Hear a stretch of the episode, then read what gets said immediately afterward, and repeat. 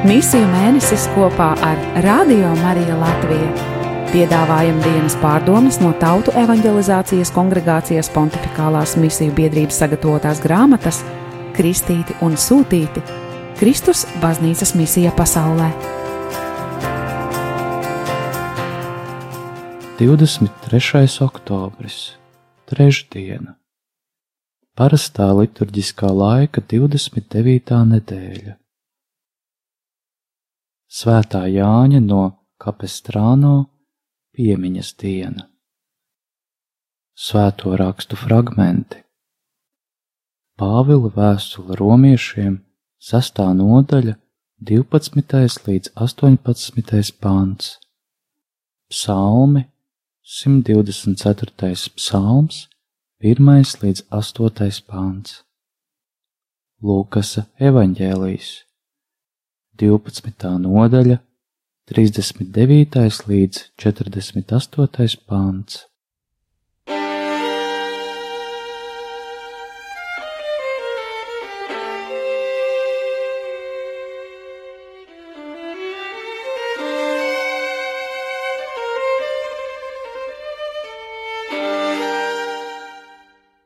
Viscaur savai vēstulē romiešiem Pāvils apgalvo, ka ir bezjēdzīgi paļauties uz Mūzus likumu, jo tas neatbrīvo cilvēci, bet drīzāk to paverdzina un nosoda.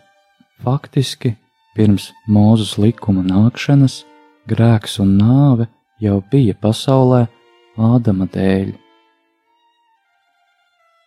Bet tā kā likums vēl nebija atklāts, un joprojām nebija priekšrakstu, nebija iespējams grēciniekiem piedēvēt viņu kritienus kā formālus pārkāpumus, kā arī viņiem nevarēja piemērot likumā paredzētās sankcijas. Tomēr saskaņā ar dabisko likumu, kas ierakstīts visu sirdīs, personīgā atbildība par grēku palika katram tāda pati. Tāpēc Pēc pauslības saņemšanas jūdi tikai redzēja, kā palielinās viņu atbildība un līdz ar to arī viņu kļūdas.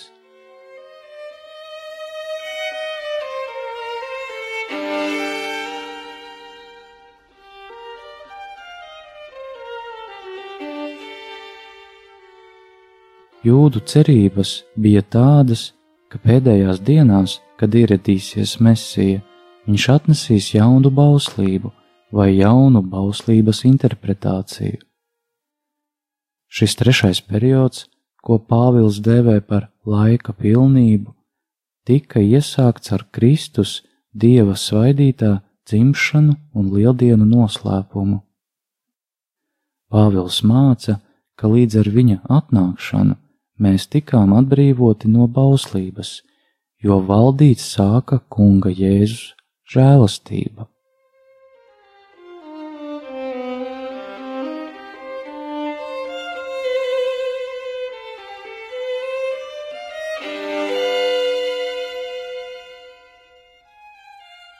Pāvils izlaiž stāstu par Noāsu un to, ko tas varētu nozīmēt attiecībā uz derību, grēku un likumu, un viņš no Ādama pāriet tieši pie Mūzus. Viņš plāno skatīt problēmu tikai mūzus bauslības kontekstā, jo tieši ar šo argumentu daži jūdi vai jūdu kristieši, viltus brāļi, traucēja viņa nodibinātajām kristiešu kopienām, cenšoties viņiem uzspiest apgaizīšanu kā kaut ko nepieciešamu, lai Dievs varētu tos izpirkt un glābt. Tagad, kad Pāvils paziņo, ka bauslība neapzināti bijusi grēka izplatības cēlonis, un ka, pat ja netieši, tā izraisīja dieva žēlastības plūdus pār grēcīgo cilvēci, viņš atver sevi daudziem jautājumiem un kritikai. Paredzot iebildumus, ko viņš varētu saņemt, Pāvils apstiprina, ka kristietis kurš reiz iesaistījies Kristus lieldienu noslēpumā, caur viņa nāvi un augšām celšanos, nevēlas vairs neko kopīgu ar grēku un tā briesmīgajām sekām.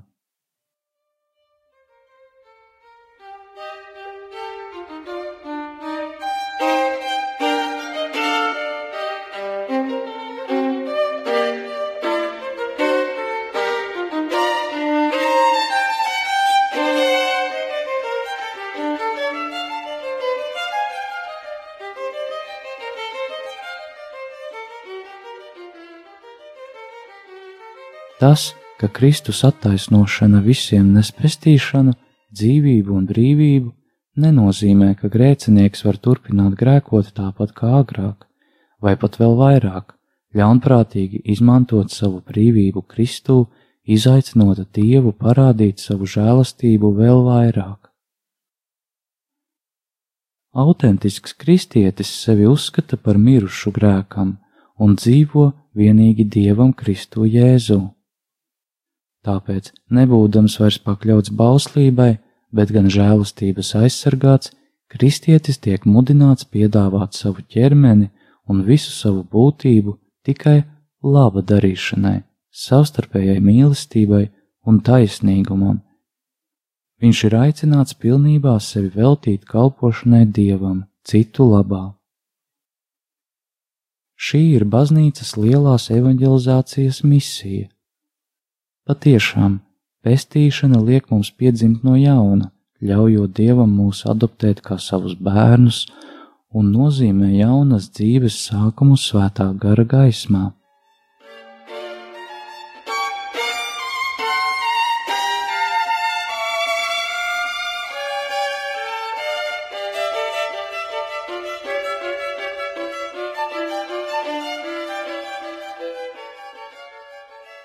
Šī Pāvila mācība attiecībā uz bauslību pilnībā saskana ar Jēzus mācību.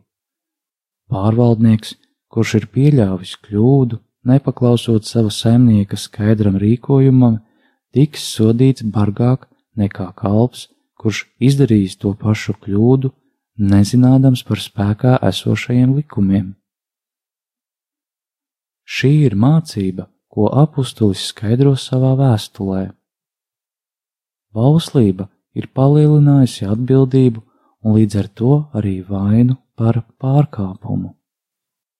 Visi tie, kas ir saņēmuši reliģiska, sociāla, politiska, ekonomiska, juridiska vai militāra rakstura autoritāti un līdzekļus, saņems nopietnu sodu, ja viņi izmantos savu varu, lai ļaunprātīgi izmantotu, paverdzinātu vai apspiestu dieva cilvēkus, lai iznīcinātu viņu mājas, dieva radību.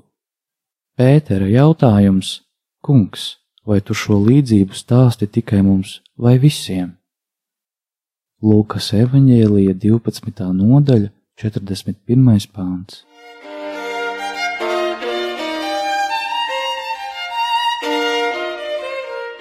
Šis jautājums atver apvārsni kopienas nomoda dimensijai. Jēzus līdzība ir adresēta visiem baznīcas kopienas locekļiem, no kuriem katrs tiek aicināts katru dienu uzticīgi veikt savu uzdevumu, neatliekot neko uz rītdienu.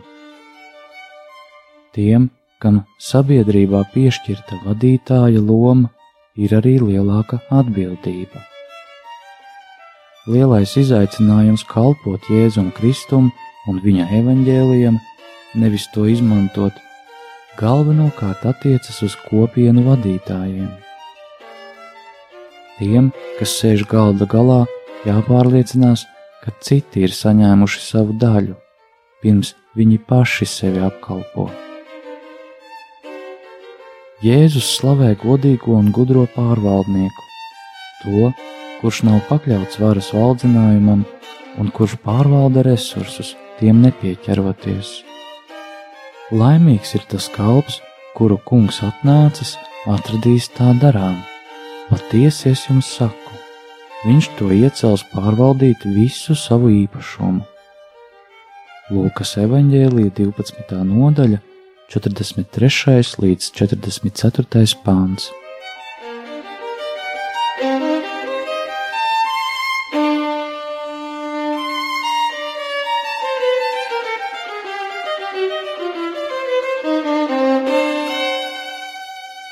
Taisnīga un transparenta zemes lietu pārvaldība ir ļoti nozīmīgs jautājums mūsdienu pasaulē. Pasaulē, kuru globālā mērogā šausta plēsonīga alkatība, un kurā cilvēki bieži ir uzskatīti par mazāk vērtīgiem nekā produkti un lietas.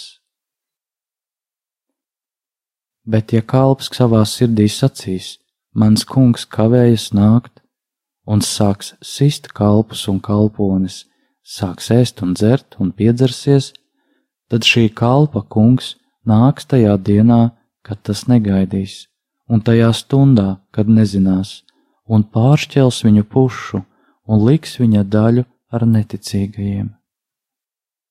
Lūkas evaņģēlijas 12. nodaļa 45. līdz 46. pāns.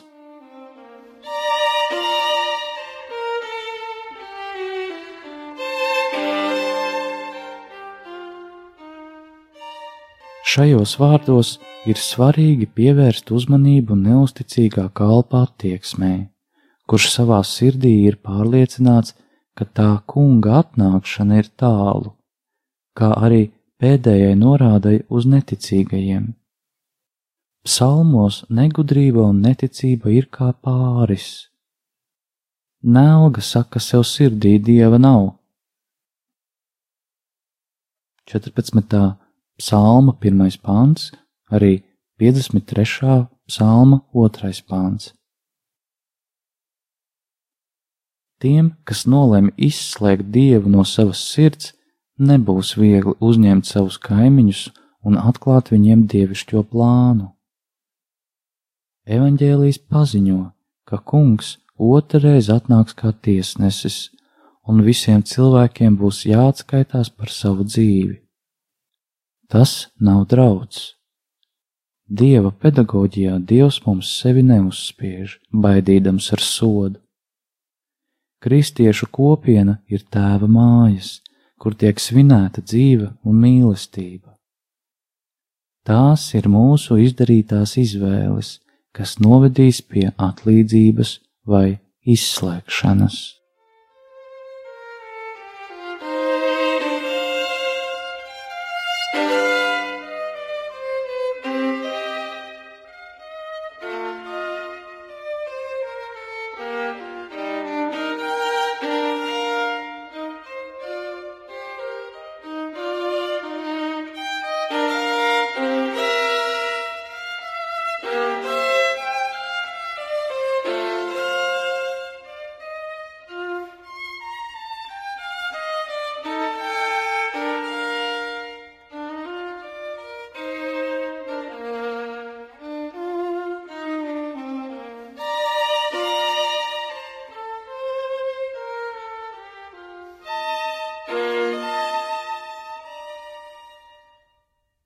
Svētā Pāvila un evaņģēlija vīzijā un Kristus uzvaras pār nāvi pārliecības gaismā ļaunums reprezentē nopietnu kristīgās misijas provokāciju.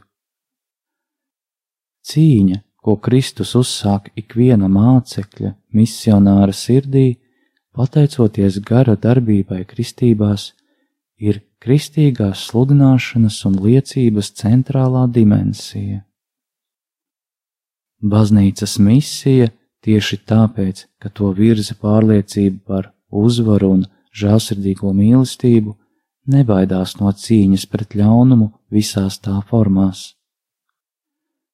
Ticīgajiem daudz ir dots, un no viņiem daudz ir arī prasīts - piedāvāt, pasludināt un dalīties, pateicoties skaidram un pārliecinātam paziņojumam ka pestīšana no visa ļaunuma un nāves nāk tikai no Jēzus Kristus.